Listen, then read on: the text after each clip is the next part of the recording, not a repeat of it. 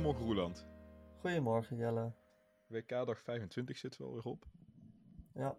Het blijft, eh, blijft sneller en sneller gaan en eh, minder en minder wedstrijden over. Nog maar twee echte wedstrijden te gaan. Oké, drie als je de troostfinale meetelt. Mhm. Maar eh, dat doe ik vaak niet. Dus twee officiële wedstrijden. En ik weet dat ik van jou die troostfinale wel moet kijken. Ja, nee, zeker. En dan ook voor jezelf, want de troostfinale is bijna altijd, heeft bijna altijd een hogere entertainmentwaarde dan de finale. Heb je zeker gelijk in. Alleen eh, de uitslag daarvan is een stuk minder interessant dan, eh, Dat klopt, zeker. Ja.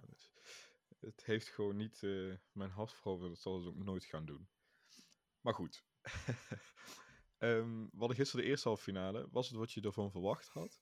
Nee, totaal niet. Nee, hè? Dat het precies het... Nou ja, ik heb precies hetzelfde. Ja. Want, waarom was het niet wat je ervan verwacht had? Nou, ik had niet per se niet verwacht dat Argentinië zou winnen, maar ik had wel verwacht dat Kroatië meer tegenstand zou bieden dan ze gedaan hebben. Nou ja, die eerste pak een beetje 30 minuten, zeg maar, voor die penalty. Ja, lieten ze best wel wat. Het was aanvallend nog steeds niet sterk en dat hebben ze het hele toernooi niet kunnen laten zien. Maar het middenveld was duidelijk eh, beter, terwijl Argentinië met een ver- versterkt middenveld startte. Maar ik zag duidelijk het overwicht op dat middenveld. Ja, maar als er zo weinig rendement in zit. Ik bedoel, ik zie nou ook weer mensen zeggen van ja, Modric was weer fantastisch. En dan denk ik ook wel van, nou, dan vind ik wel dat er een lage lat is om fantastisch te zijn. Ja, want dat vond ik. Hij had, natuurlijk had hij een paar acties en dan tikt hij zo die bal zo chic voorbij de man. Maar dit was zijn minste wedstrijd. eh, sinds die groepsfase wel. Ja, dus ik vond eigenlijk helemaal niemand bij Kroatië echt in positieve zin shinen. Zelfs Guardiol werd behoorlijk eh, in zijn hand gezet door Messi. Dat, daar ben ik het niet mee eens, maar daar komen we nog op bij de 3-0, eh, heb jij het over. Daar ben ik het niet mee eens. Ehm, Nou, niet alleen daar. Messi is al, was er toen al een paar keer langsgekomen op die eh, voor hem rechterflank. Alleen bij, ja, het is wel zo dat bij de 3-0 alles dat wel het meest duidelijk zichtbaar was. In mijn mening. Ja, daar komen we dadelijk al op. Ehm, want ik had precies hetzelfde. Ik had ook meer tegenstoot van Kroatië wel verwacht. En eigenlijk, het was gewoon een hele makkelijke wedstrijd eigenlijk voor Argentinië. Veel makkelijker dan tegen ons, hè? Zijn we eigenlijk toch zo slecht nog niet? Nee, nee, ab- nee maar dat, dat, dat heb ik altijd nog wel gezegd. Het was een terechte overwinning voor Argentinië op Nederland in die kwartfinale. Maar ik denk dat Nederland precies heeft gedaan uiteindelijk wat het moest doen. En beter dan Ja. dat had je niet kunnen doen tegen, tegen dit Argentinië. En Argentinië speelt nu tegen Kroatië in de halve finale gewoon zijn beste wedstrijd. ja, nou, ik zat wel, wel echt de hele tijd te denken van het had ook Argentinië-Brazilië kunnen zijn. Ja, dat is wel een beetje het ding. inderdaad. Ik stond, ik was echt blij voor Kroatië die vrijdag. Afgelopen vrijdag, toen ze, toen Ja. ze nog nul penalties wisten te geraken en die wonnen. Maar nu kijken, denk ik, ja, dit was natuurlijk een veel interessantere finale geweest als het gewoon echt Argentinië-Brazilië was geweest. Ja. Even ook niet kijken naar het affiche zelf, hè, gewoon puur niveau. Nou, dat had ik dus ook.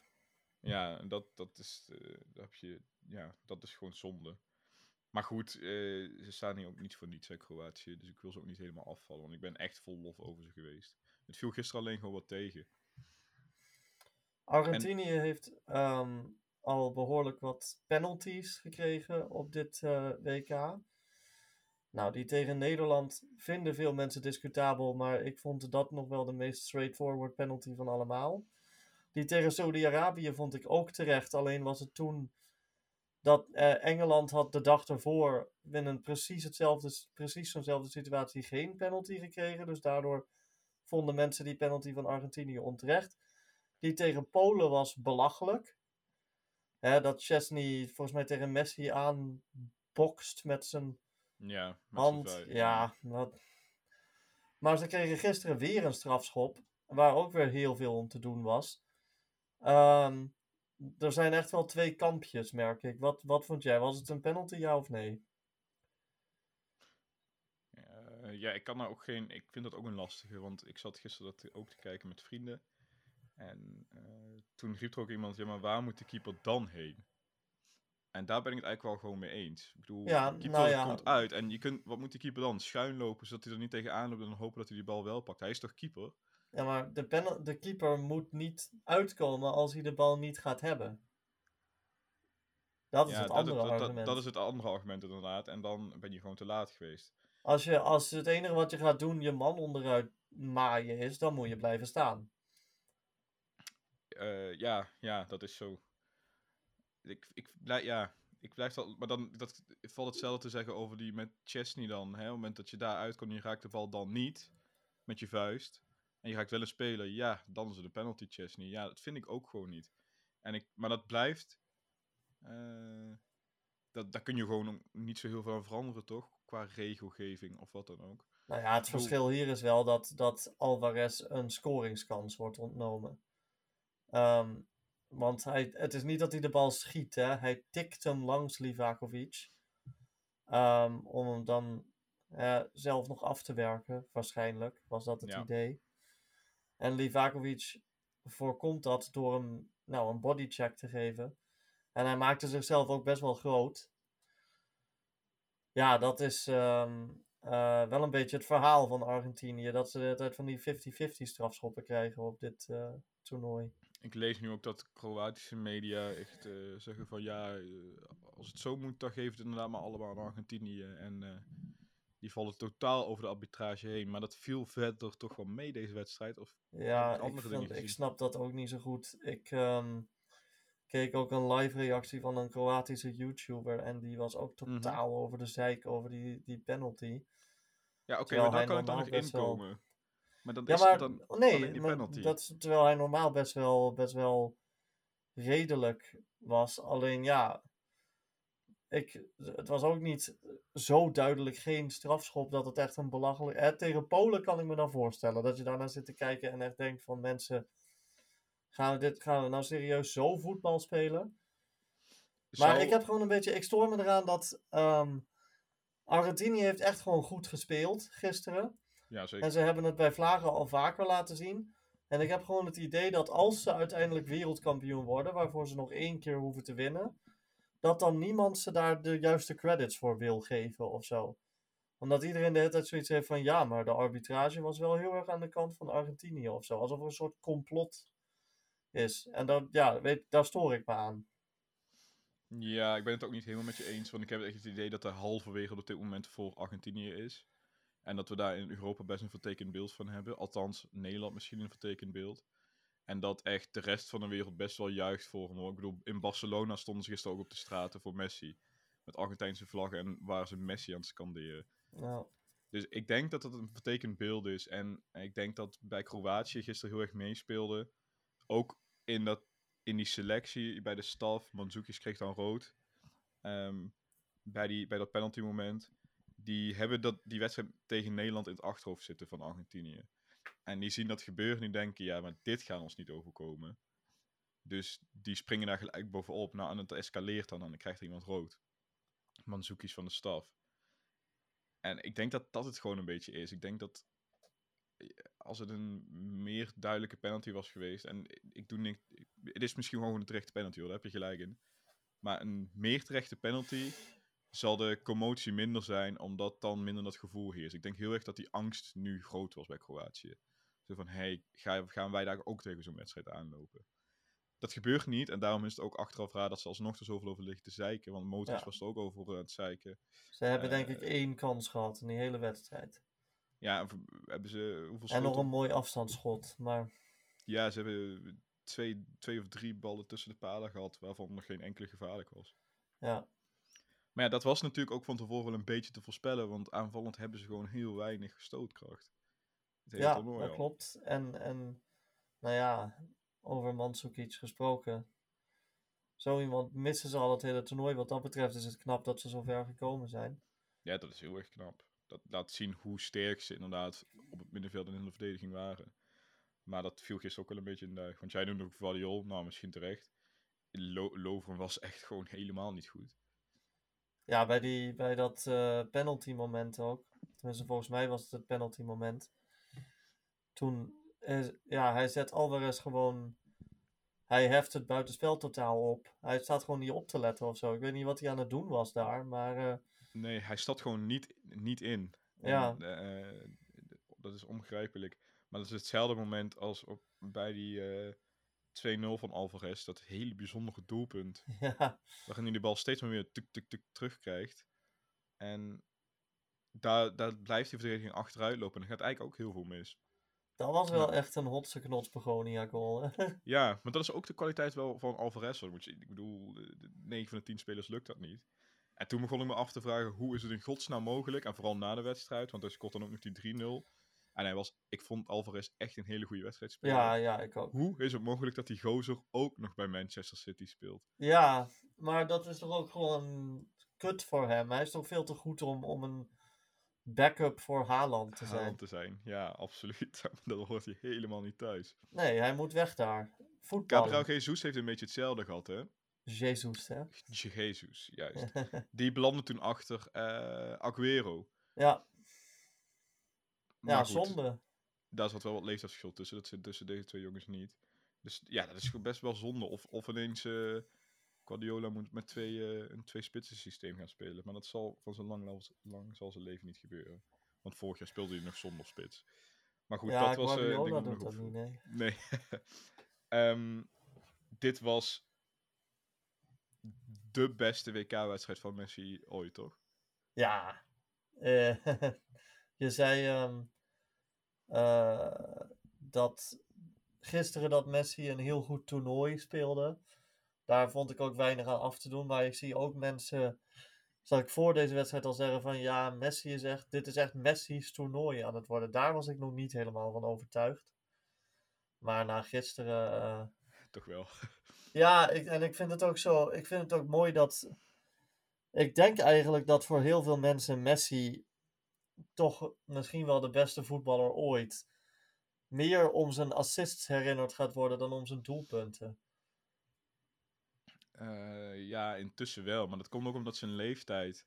Zijn, de leeftijd waar hij nu op zit, is zijn scoringsvermogen net wat minder. Dat is wat afge, afge, Ja, omlaag geschroefd. Maar zijn assists zijn echt van ongelooflijk hoog niveau. Dit is al de tweede wedstrijd op rij dat hij echt een bal geeft eh, en dat hij eerste actie maakt en je echt denkt van ja, dit is Ja. toch wel. Dit is toch wel weergeloos dat dat er gewoon nog steeds in zit. Een record ook, drie WK-wedstrijden waarin hij zowel scoort als een assist geeft. Ja, en hij is nu Argentijns WK-topscorer aller tijden. alle tijden. Hij heeft, eh, maar dat, zijn op de, dat is gebaseerd op de cijfers van Opta en die rekenen pas sinds 66 eh, de meest productieve, of gedeeld meest productieve speler op een WK, met goals en assists gecombineerd. Maar Pelé zou daar nog vol staan. Maar dat zou niet helemaal meegemeten zijn. Maar goed, hij, heeft, hij haalt verschillende records. Hij is nu bijna ook bij 150 doelpunten eh, betrokken bij Argentinië. Ja, dat En hij is- staat qua WK-assists nu gelijk met Maradona. Het is echt, alles komt een beetje bij elkaar. Alsof, het kan toch bijna niet anders dan dat, dat zondag Argentinië dan die beker in de lucht tilt. Ja, dat Als je moet kijkt nou naar al die, bijna wel. Ja, het kan. Je kan Ik bedoel, in, in 2014 stonden ze ook in de finale, maar toen had Duitsland net Argentinië of eh, Brazilië vermorseld. Dus Ja. toen hadden we nog allemaal wel zoiets van, nou ja, ik hoop met je mee Messi, maar eh, ik, ik moet het nog maar zien tegen, deze, tegen die Duitsers. En toen had het nog gekund als Higuain scherper was geweest. Die hadden een soort Ja. hetzelfde moment als Arjen Robben. Ehm, de- maar dit, alles en iedereen, en dit is al vaak gezegd, in dit team werkt voor Messi. Allemaal die jonge jongens, hè, die, die, die tien jaar terug waren ze 11 of 12. En dan wat, Alvarez heeft weer die vraag ook al gesteld. Ik weet niet of je dat filmpje hebt gezien. Die jongen 11 Eh. jaar. Maar dan wordt zo Oh een- ja, dat heb ik inderdaad gezien, ja. ja, en een 11-jarige Alvarez wordt zo gevraagd van... Hey, wat is je droom? Nou, op een WK spelen. En wie is je idool? Messi. Mhm. Ja, Ja, en kijk hem staan. Hij is de Suarez van dit Argentinië. ja, ja. Het is echt zo bijzonder en zo mooi om te zien. Het zijn al die jonge jongens die vol, vol voor Messi werken. En dat komt ook omdat Messi het zelf ook nog doet en kan. Ja, en eh, Messi geeft het ook terug. Het is niet zoals bij Ronaldo en in mindere mate Neymar, dat hij de ballen opvangt en er dan zelf succes mee wil behalen. Ik bedoel, stel, stel Neymar had die actie gemaakt waar, waar die 3-0 uitkomt. Dan had hij toch gewoon nog een man uitgekapt en geprobeerd zelf te scoren. Ik denk uiteindelijk wel, ja. Ja, nou, dat vind ik dan mooi om te zien. Dat, maar dat maakt ook gewoon waardoor Messi op al die goals en assists komt. Omdat hij wel juist altijd de goede beslissingen maakt. Ja, En niet nog meer dat extra stapje wil maken. En hij zet al ongelooflijk veel stappen. Maar die 3-0 bij Gvardiol. Ik vind persoonlijk dat Gvardiol daar alles goed doet. Als verdediger zijn. Want hij blijft de man voor zich houden. Grijpt niet onnodig in. Zoals Theo Hernandez tegen Engeland wel deed. Die steekt op een gegeven moment een been uit. Nou, daar valt 100% iemand over. Dat doet Messi ook. Penalty. Dat doet hij niet. Dus hij blijft de man voor zich houden. Zorgt dat die bal daar aan de voetjes blijft. Maar niet te veel mee gebeurt. En hij dwingt hem langzaam naar de achterlijn bij alle andere aanvallers heb je dan op een gegeven moment of een doeltrap te pakken, of iets gevaarlijker een hoekschop, maar het eerste gevaar is geweken. Maar ja, er staat iemand anders tegenover je, die heet Lionel Messi. En dan doe je alles goed, maar dan maakt het niet zoveel uit dat je alles goed doet. En dat was meer mijn punt wat ik probeerde te maken bij die 3-0, of wilde maken. Is dat ik wel vond dat ik Guardiol, en misschien ben ik een soort bescherm engeltje van hem geworden, want ik heb een zwak voor hem gekregen. Eh, maar ik vond wel dat hij daar alles goed deed. mhm. En de rest van die wedstrijd, inderdaad, het was niet sterk. Maar ja, dat kon ik ook niet meer verwachten van een 20-jarige. Die eh, ook gewoon een steun moet hebben van eh, de verdediger, de rechterverdediger naast hem. En Lover was gewoon niet goed. Ja, nou ja, je hebt in elk geval gelijk dat, dat Argentinië dat toch gewoon verloor van Saudi-Arabië. Eh zijn eerste wedstrijd. Dat zij, ehm, ja, nu moeten ze toch wel hun kans grijpen. Begin de te geloven, begin jij te geloven in die theorie? Welke theorie? Nou ja, er werd toen wel gezegd van, eh, ik zeg niet dat ik hierin geloof heb. Eh, maar er werd toen wel gezegd, eh Saudi-Arabië wil het WK van 2030 gaan hosten. Moet daar ook een beetje van in de picture komen, dan moet dat positief zijn. Nou ja, hoe krijg je het voor elkaar door een WK-wedstrijd te winnen? en dat daar een deeltje is gemaakt. Dat werd toen wel gezegd van, hé, hey, dan maken we een deeltje met Argentinië, die verliezen van ons en die redden het verder wel in de groepsfase. Nee, ik geloof in een wat minder complotachtige theorie. Namelijk gewoon dat het goed is voor een ploeg om meteen het deksel op de neus te krijgen aan het begin van zo'n toernooi. Want Ja. als het andersom gaat, zoals bij Spanje, dan kan het eigenlijk alleen nog maar slechter worden. En dus ja, ik geef Spanje nu als voorbeeld, maar Spanje heeft in 2010 hebben ze van Zwitserland verloren in hun openingswedstrijd. Nou, ik denk dat daar hetzelfde eh, aan is. En daarmee wil ik niet zeggen dat je, dat je het niet goed kan doen als je niet meteen vlammend uit de, eh, als je wel meteen vlammend uit de startblokken komt. Maar ik denk toch dat het voor de, voor de mentaliteit in zo'n team, dat het eigenlijk misschien niet slecht uitgekomen is dat ze die eerste wedstrijd verloren hebben. Nee, ik denk achteraf ook helemaal niet. Want dat brengt je, er wordt nagedacht, eh, er kwamen nieuwe spelers bij. Ehm, in, in, in die zin, er kwamen spelers in de basis die er niet eerst, eerst niet stonden, dus er werd eh, anders naar gekeken. En er kwam een ander soort druk op dat team te liggen. Ja, En dat schudt ook weer een bepaalde druk dan van je af of zo. Zo van, oké, maar nu moeten we ineens. En dat lukt dan en dat geeft dan opnieuw vertrouwen. En dat is inderdaad misschien wel vergelijkbaar met Spanje-Zwitserland toen eh, in 2010. Dus dat pakt misschien inderdaad perfect voor ze uit. En dat zal zondag uit gaan wijzen. Maar het is in ieder geval een weergeloos toernooi van, eh, van Lionel Messi. en van En- Lionel Scaloni. Ja, ja, dat is gewoon ook deels te danken aan de coach. Die eigenlijk gewoon luistert naar... Me- Ik heb het idee dat hij heel erg luistert naar Messi. Ja, dat denk ik ook. En daardoor het team er ook omheen kan laten draaien. Ja, zou, wel- knap hè, als ze wereldkampioen worden. Hij was de jongste van de 32 bondscoaches eh, voor aanvang van dit WK. Nou, hij is tamelijk onervaren. Meteen een wereldtitel op je naam hebben staan, dan, eh, dan eh, dat is wel een goede boost voor je carrière, laat ik het zo zeggen. Maar goed, laten we niet op de zaken vooruitlopen. Nou waar we wel op vooruit moeten gaan lopen is wie wordt de tegenstander. Ja, nou ja, van Kroatië dachten wij volgens mij allebei van ja, ze zullen wel nooit uitgeput raken, want het is tot dusver nooit gebeurd. Ehm, en, en met teamgeest en wilskracht slepen ze zich toch wel door die wedstrijden heen. Maar ik denk dat gisteren wel duidelijk werd dat ook daar wel een soort fysieke limiet aan zit. Waardoor ik me wel een beetje meer zorgen maak over de finale kansen van Marokko. Eh, ja, het scheelt wel dat Marokko uiteindelijk... Kroatië speelde echt twee verlengingen. Dat Marokko deed er één. Ehm, maar ja, toen zei Amrabat na die wedstrijd tegen Portugal wel al gelijk. Inderdaad, van, dat hebben, heb ik, hebben we ook in een podcast benoemd. Van, Ja. eh, in de eerste minuut voelde ik mijn benen al. Nou ja, er zit tussen die wedstrijd en deze niet zo heel veel. Niet zo enorm veel tijd. Daarom is het ook zo knap dat sommige spelers zo telkens weer dit kunnen. Hè? Dat is Ja, echt, dat ja, is, ja, ja. daar nog even op terugkomen, bijvoorbeeld op Messi, dat je na zo'n slijtageslag tegen Nederland, want dat is het uiteindelijk wel gewoon, ehm, met enorm veel spanning, met al die druk, met die ruzies, alles.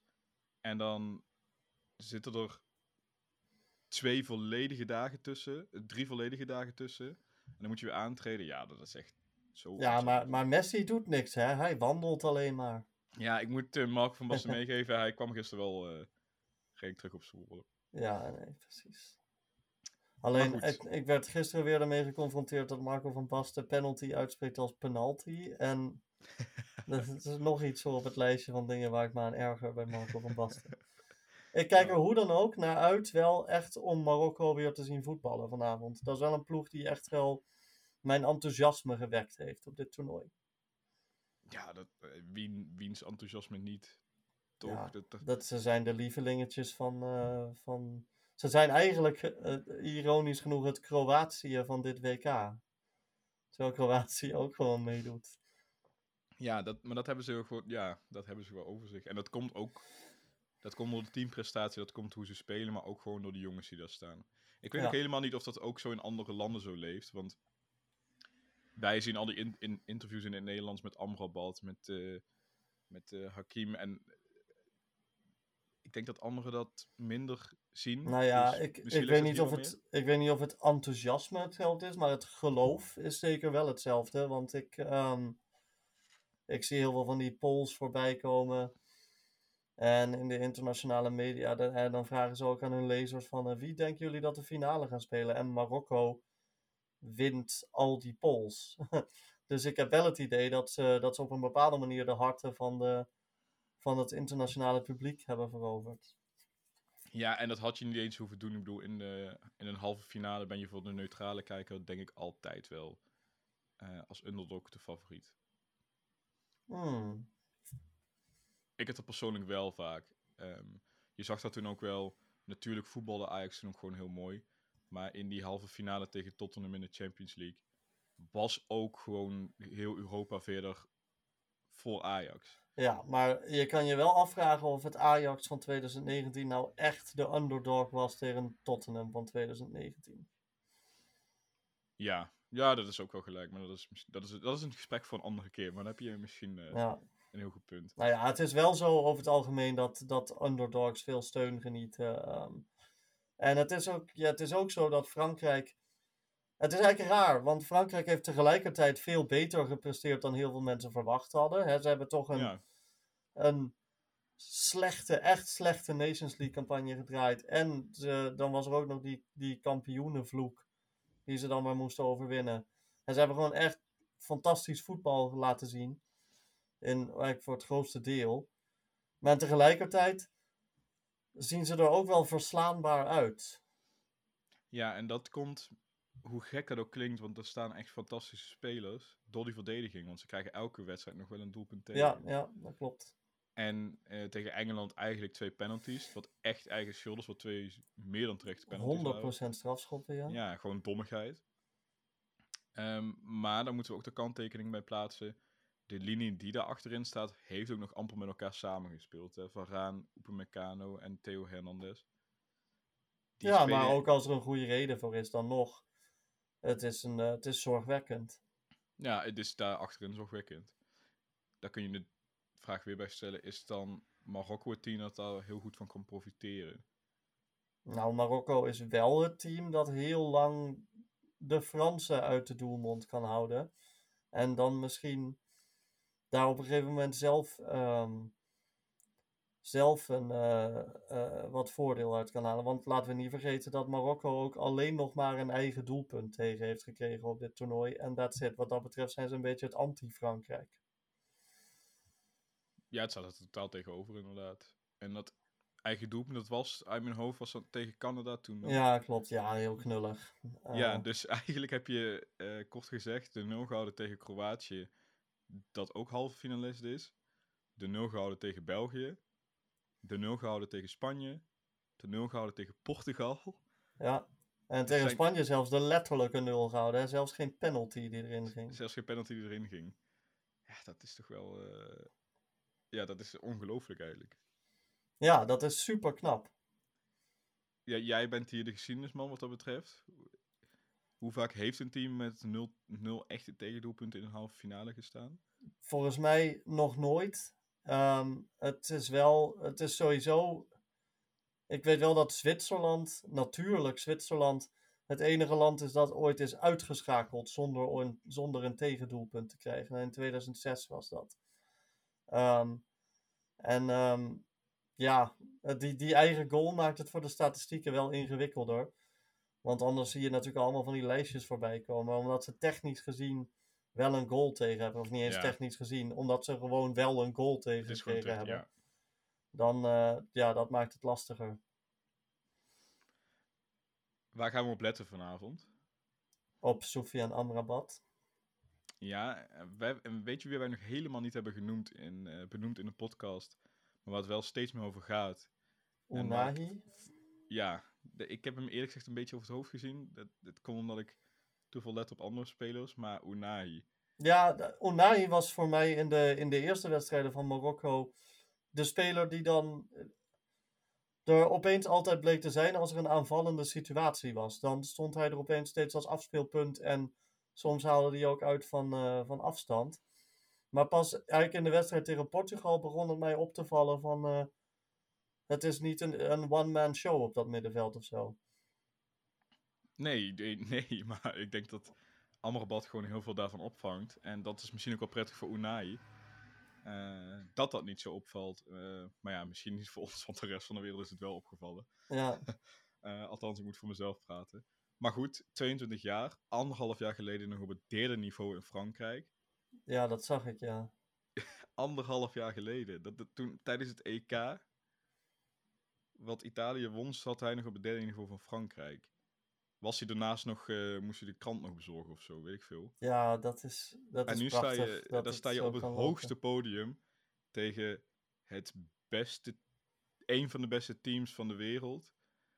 Met een toekomstig Ballon d'Or-winnaar. Met eh Griezmann, die misschien wel een eh, Ballon d'Or had moeten winnen.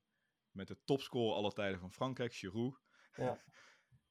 ja, oh, dat is echt een, een... Ja, ik vind dat altijd een beetje een dooddoener, maar dat is toch wel echt de jongensdroom. En ja, dan- nee, precies. En dat gaat je straks gewoon weer een transfer opleveren, toch? Hij zit Dat, nu dat zou hem bij toekomen. Angers. Ja, volgens mij zit hij bij Angers nu, ja. Angers, ja. eh, dat is maar... niet bepaald topniveau. Nee, maar dat zit wel... Dat speelt nu gewoon in de Ligue 1, hè? Ja, dat wel. Mhm. Nou ja, een beetje een eh, Kanté-verhaal. Die kwam ook uit het niets, uit een Ja, hele nee, lage klopt. competitie. klopt. Eh, dus wie weet wat daar allemaal in zo'n competitie nog rondhuppelt. Dat werd toen al gezegd. Maar dat is echt wel heel bijzonder, die gozer. Als je het zo leest. En ik ga dat vanavond aanschouwen, hopelijk. Weet je wat ook een dooddoener is? Als ze verliezen, mogen ze echt heel trots zijn. Maar dat is ook gewoon zo. Ja, maar dat is wel. Ik kan me toch wel goed voorstellen dat, dat Marokko eigenlijk vanavond op dezelfde manier als waarop ze in andere wedstrijden succes hebben gehad, ook weer heel dichtbij komt, maar dat dan uiteindelijk Frankrijk toch de langste adem blijkt te hebben en die finale haalt. Ja, dat is misschien een teleurstelling voor Marokko, maar ze, ze, ze, ze zullen daar toch wel vrij snel overheen zijn, mag je toch hopen. Ja, dat is wel een beetje het scenario waar ik nu ook van uitga. Het is inderdaad gewoon tegenhouden, het heel lang volhouden. En dat het dan op het eind ergens in de 90ste minuut of in de verlenging Ja, misgaat. En dan gaat het mis door de spelers bij Frankrijk die invallen. Hè? ja. Want die zijn dan, die, ja, dus dan, bre- dat brengt zoveel meer diepte, dat, dat, team. En die gaan dan het verschil kunnen maken, verwacht ik, verwacht ik een beetje. En dan, ik, Ik denk, op dat ook. moment, je kunt, eh, het verdriet zal veel minder groot zijn, voor de neutrale kijker minder leuk. Als ze er met 3-0 afgaan en dan denk je, ja, dit was het ook wel inderdaad. Frankrijk was Ja. beter. Dan wanneer je het heel lang volhoudt en dan op het laatst alsnog zo'n kut tegendoelpunt krijgt. Ja, Zul je altijd zien dat het zo'n beetje lullig tegendoelpunt is. Ehm, met een Bounou die een fantastisch WK keept en dan net die bal onder hem doorgaat of zo. Dat is een beetje zo'n scenario ja je aan dat, dat is precies wat ik ook voor me Ja. zie. En eh, het zegt helemaal niks, want ik ben, eh, dat heeft dit WK ook wel uitgewezen, totaal geen orakel of zo. Nee, ik ook niet. Maar ik eh, verwacht toch wel een veel spannendere halve finale dan gisteren. Ja, dat hoop ik ook. En dat hoop ik ook voor Marokko. En eh, nou ja, daar moet ik dan eerlijk bij bekennen. Ik zou het fantastisch vinden als zij de finale halen. Maar om echt uit te kunnen kijken naar zondag, waarin, ik, waarin het dan voor mij 50-50 gaat zijn, hoop ik wel gewoon op Frankrijk. Frankrijk heeft deze eeuw vaker verloren van Afrikaanse teams dan gewonnen op het WK. Tegen Senegal in 2002, tegen Zuid-Afrika in 2010 en tegen Tunesië eerder dit eh, toernooi. Dit toernooi. Nou ja, misschien is er nog wel een belletje gepleegd vanuit eh, Marokko eh, naar Tunesië. Ja, ja, ja, om wat tips op te vragen. Gaf natuurlijk een vertekend beeld, want Marokko speelde. Of Frankrijk speelde met dat B-team toen. Maar ja, het is wel een, en is een, wel een verlies. Ik hoop ook dat Masrowi kan spelen. Ja, dat hoop ik ook. Ehm, raar dat hij altijd die, die kwaaltjes lijkt te hebben of zo. Terwijl als hij dan speelt, dan is hij zo'n aanwezigheid. Zeker bij Marokko. Ja, dat is echt een gigantische aanwezigheid. Maar ja, dat is een beetje de man met de rare, rare blessures. Bij Ajax kreeg hij toen de vinger in dat oog. En dat heeft hij gewoon vier maanden mee buitenspel gestaan. Ja, Ja, en eerder dit WK dachten we, zagen we hem raar terechtkomen op zijn heup Ja. of zo. En toen dachten we ook allemaal van, nou, het is Masraoui, dus het zal wel weer klaar zijn met dit het toernooi. Maar da daar heb je wel het idee bij dat Marokkaanse team dat er wel meer, meer pijntjes zitten. Maar dat die Ja. spuiten erin rammen en zeggen van ja, maar dit boeit me niet. En hoe ik hier uiteindelijk na het WK uit ga komen, boeit me niet. Ik wil gewoon door en door en door. Ja, Dus dat zal misschien bij Masrowi ook wel het verhaal zijn. Dat is wel, mocht Ziyech nou weggaan, eh, deze, sorry, Ziyech nou weggaan, ik wil daar toch vanaf, deze winter, ehm, dan lijkt mij, waar hij ook naartoe gaat, de kans wel heel groot dat hij in een dipje belandt qua, qua vorm. Ja, Ja, ja dat, maar dat moet toch bij al deze spelers zijn. en daar Of moet je ook moet realistisch over zijn als club. Ja, je kunt niet verwachten dat je hem haalt en dat hij dan eind januari er staat. Nee, precies. Kijk, van Bounou kun je dat verwachten, want dat is een keeper. Eh, maar ik verwacht dat hij wel gewoon bij Sevilla zal blijven. Ja, dat doet hij prima. Ja, dus dat zal niet per se het verhaal zijn. Maar eh, zo'n Amrabat, een Ziyech, een eh Unahi, ik weet niet of die per se al gelijk een transfer zal maken. Het zal er een beetje om gaan hangen. Ja, dan, dan heb je hem gelijk en je kunt niet verwachten dat hij er gelijk gaan staan. Of ze moeten de wereldbeker winnen en dan heb je alle energie van de wereld en dan kun je alles in iedereen aan. Als ze van Frankrijk kunnen winnen vanavond, dan zouden ze ook zomaar gewoon wereldkampioen kunnen worden. In die, Nou, ik vind ook altijd, dus, Finale. d- d- dan gaan we weer een dood doen. Maar als je in de halve finale staat, kun je ook gewoon altijd kampioen worden. ja, wie of wat je ook bent. Dus dat, dat is gewoon een gegeven. Anders geraak je daar niet. Wagen we de voorspelling aan? Ik niet. Misschien dat jij het wel wil doen. nou, ik denk dan 1-0 voor Frankrijk na verlenging. Ehm, en eh, nou, Marokko heeft al geschiedenis geschreven. Het zou zonde zijn als het als een nachtkaars uitgaat. Maar ze hebben altijd nog die strijd om de derde plaats. Die voor hun wel natuurlijk interessant is. Dus ja, dan, dan kunnen ze daar nog een hoop eer mee eh, en lof mee binnenhalen. Ik ben echt Ja. heel benieuwd wat het wordt. Ik, ik had gisteren na die wedstrijd bij Kroatië, eh, Argentinië, dat Kroatië dat gevoel niet had. Maar nu begin ik te denken, ja, waarom eigenlijk niet? Daar zitten toch wel wat oudere jongens tussen die echt wel willen laten zien van... hé, hey, wij horen Ja. die tweede plaats, niet op die derde plaats thuis. Dat dat echt wel weer gaat leven, ook bij die eh, Kroaten. Ja, en als het Kroatië-Marokko wordt, dan eh, werd eerder dit toernooi 0-0. Dus dan wordt het in ieder geval nog spannend om te kijken wie er dan wint. En eh, als het Kroatië-Frankrijk wordt, dan heeft Kroatië nog wel een appeltje te schillen met. Een eitje te pellen met eh, hun tegenstander. Dus, ehm, nou ja, ik denk dat het sowieso nog wel een. eh, eh, nog wel een leuke wedstrijd kan worden hoor. Maak je geen zorgen. Maar je moet hem wel kijken, ja. Ehm, Ik ga me klaarmaken voor dit weekend.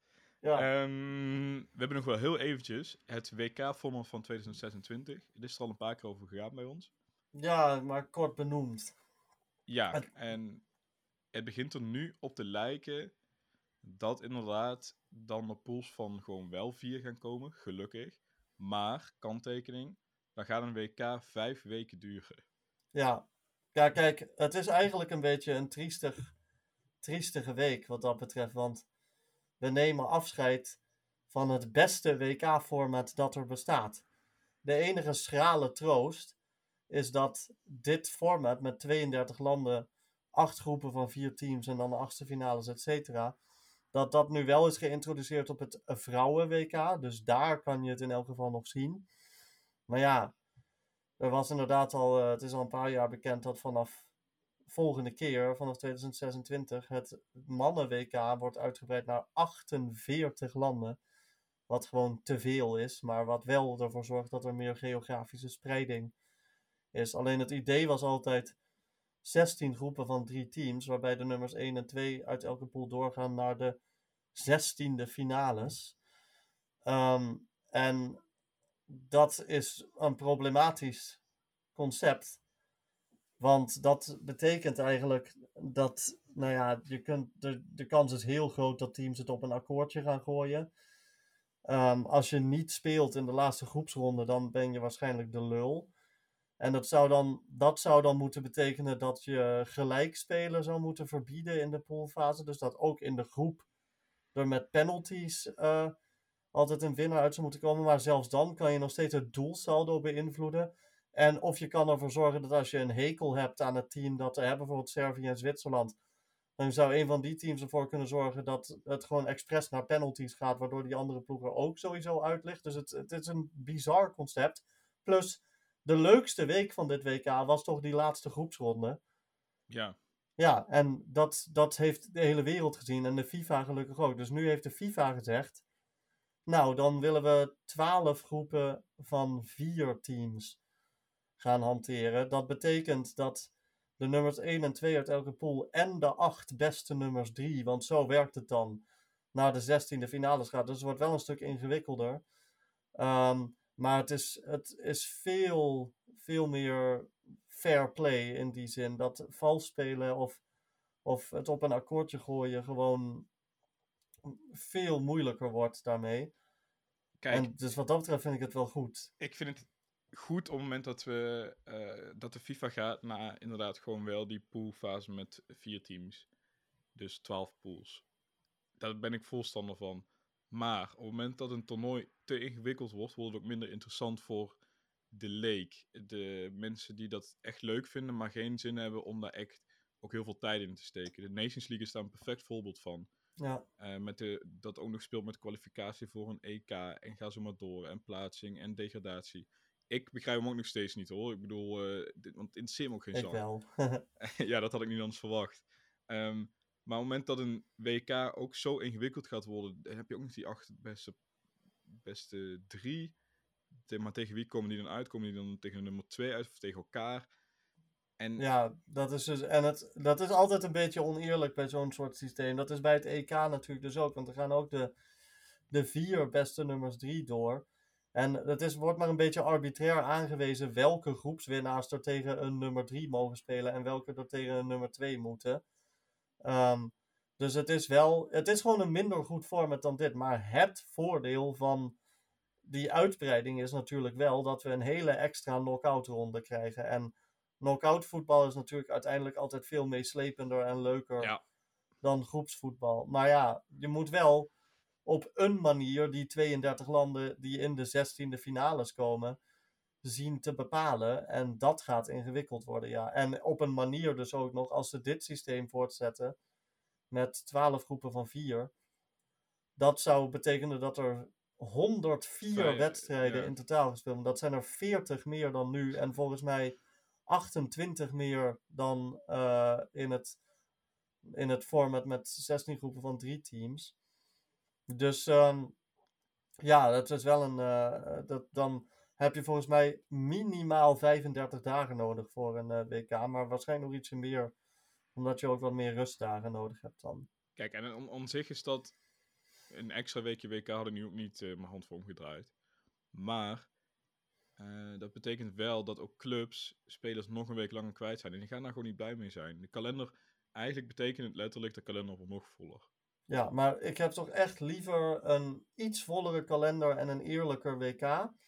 Dan een dezelfde soort kalender met een WK dat bol staat van de, van de uh, ja, collusion, om maar een Engels Eens. woord te gebruiken. Eens, maar dan moet je... Plus, het is ook gewoon, als je met 12 groepen van vier teams speelt, dan mag elk land dat zich gekwalificeerd heeft tenminste drie wedstrijden spelen. Ik vind dat wel de minimale beloning als je je kwalificeert voor een WK. Anders is het na twee wedstrijdjes kans vrij groot dat je nul goals scoort. Er gaan nam- namelijk ook altijd groepen tussen zitten die dan bijvoorbeeld, ehm, nou, Frankrijk, Chili, Oezbekistan zijn of zo. Dus dan doe je echt alleen maar mee voor de vorm.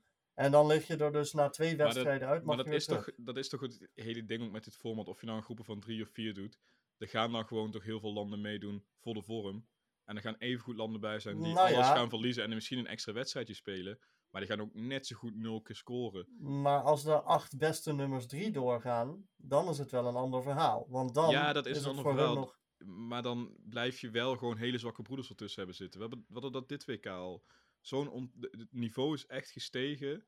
Maar er zitten ook echt hele zwakke teams tussen. Ja, en uh, daarom zeg ik ook dat 48 landen te veel is. Maar Ja. ik denk wel dat meer gebalanceerde groepen van vier ook daarvoor Beter zijn. de boel... Ja, het maakt het in elk geval interessanter.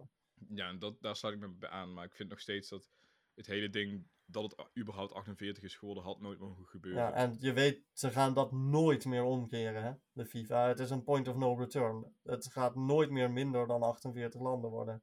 nee, Het enige wat in de toekomst nog kan gebeuren is dat ze het uitbreiden naar 64 landen. Wat wel een veel overzichtelijker format zou zijn trouwens. ja, maar dan sta je ehm, zes weken ja, te voetballen. ja, dat, gaat, ik hoop het echt niet. Het is gewoon zonde. En ik zei net, ik, ik draai mijn hand niet om voor nog een weekje WK, maar dat is meer met het idee, je gaat het dadelijk missen, ondanks het WK dat. maar ehm, dat, eh, als ik van tevoren had geweten, het vier of vijf weken, had ik ook gezegd vier weken. Want op een gegeven moment Ja. is het klaar en dan, eh, ja. nou goed, uiteindelijk per team betekent het maar één extra wedstrijd. Dus Ja. zo, zo'n ingrijpend is dat nou ook weer niet. Ik hoop wel echt heel erg dat ze voor, de, voor het format met 12 groepen van 4 gaan. Als ze dan toch zo nodig een WK met 48 landen moeten hebben. Het zou echt moeten zijn dat clubs daarvoor gaan liggen, omdat ze dan zeggen, dan zijn we ze te lang kwijt. Ja, maar dan kunnen die anders clubs gewoon de tering krijgen. Ja, maar dat vind ik niet helemaal. Want ik bedoel, dat zijn dan uiteindelijk wel gewoon de werkgevers. En ja, de- ik snap op zich ook wel het geluid vanuit die clubs. En ik kan, ja, Ja, maar je bent alleen je speler een week langer kwijt als hij de finale haalt. Van hoeveel clubs, om hoeveel clubs gaat dat nou? ja niet zo heel veel. Ehm, maar blijft, het is wel gewoon een feit. Ja, ik, ik denk daar misschien gewoon wat anders over. Ik denk dat je als club inderdaad wel gewoon eens voor de FIFA mag gaan liggen. Ja, maar je hebt als club toch ook hart voor de sport. En je wilt toch niet dat het mooiste toernooi van, van de wereld wordt verpest door een, een slecht format dat vals spelen in de hand werkt. Nee, maar eh, we hebben inderdaad, we zijn op dat point of no return beland. Van, ze gaan dat nooit meer terugdraaien. Maar misschien als jij als clubs er allemaal massaal voor gaat liggen, dat dat wel gebeurt. Nou, mag ik dan een voorstel doen? Graag. Deel het WK op in twee delen. De 16 beste landen gaan automatisch door naar het hoofdtoernooi in juni.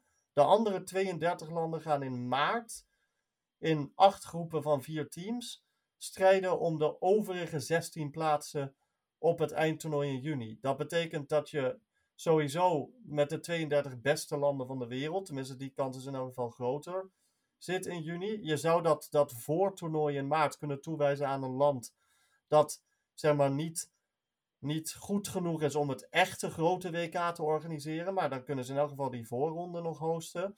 En dan kun je gewoon dit format behouden. Hoef je alleen maar in, de interland, in het interland window in maart één extra speel, dus vier extra speeldagen toe te voegen. Dat zou dan helemaal mijn voorkeur hebben. Maar dat is ook vooral omdat ik heel erg hecht aan dit systeem met 32 landen. Ja, dat je dat uiteindelijk wel behoudt. Ja, ik denk niet dat dat realistisch is. Is Nee, dat denk ik ook niet. maar ik denk ook dat clubs daar minder problemen mee zouden hebben. Ja, ja, misschien wel. Ik blijf, ja, ik blijf me nou altijd afvragen, want uiteindelijk zijn er wel eh, een periode waarin je ook weer een pauze moet gaan nemen. Ja, maar die, die pauze is er al, hè? Want er wordt in maart al, al eh, interland voetbal Ja, maar dan moet je nu hoeveel extra wedstrijden gaan spelen? Of hoeveel wedstrijden speel je dan? Als je dit... Ja, normaal speel je twee wedstrijden in maart. Dan zouden dan nu drie wedstrijden van gemaakt moeten worden. ja, dus dan zou je twee weekenden niet voetballen, zeg maar. Eh, nou ja, volgens mij hoeft dat niet eens per se. Er zijn wel meer eh interlandperiodes waar steeds drie wedstrijden gespeeld worden. En dan mis je ook maar één weekend. Ja, precies. je Nou, gaan moet het zien. alleen goed, goed regelen. Nou goed, dat zijn allemaal betere ideeën dan de FIFA ooit eh, zou kunnen bedenken. Ehm, dus ja. Nou, gooi er een sollicitatie uit bij dit fantastische kutbedrijf. Ja, daar wil ik graag werken, bij Ja. de FIFA. Goh. Ehm, ik kijk uit naar vanavond. Ik hoop jij Ja, ook. ik ook. En eh, ik spreek je morgen weer. We gaan het vanzelf zien. En eh, ik spreek jou morgen. En dan hebben we het uitgebreid over die wedstrijd van vanavond. Joe, Is goed. Doei! doei.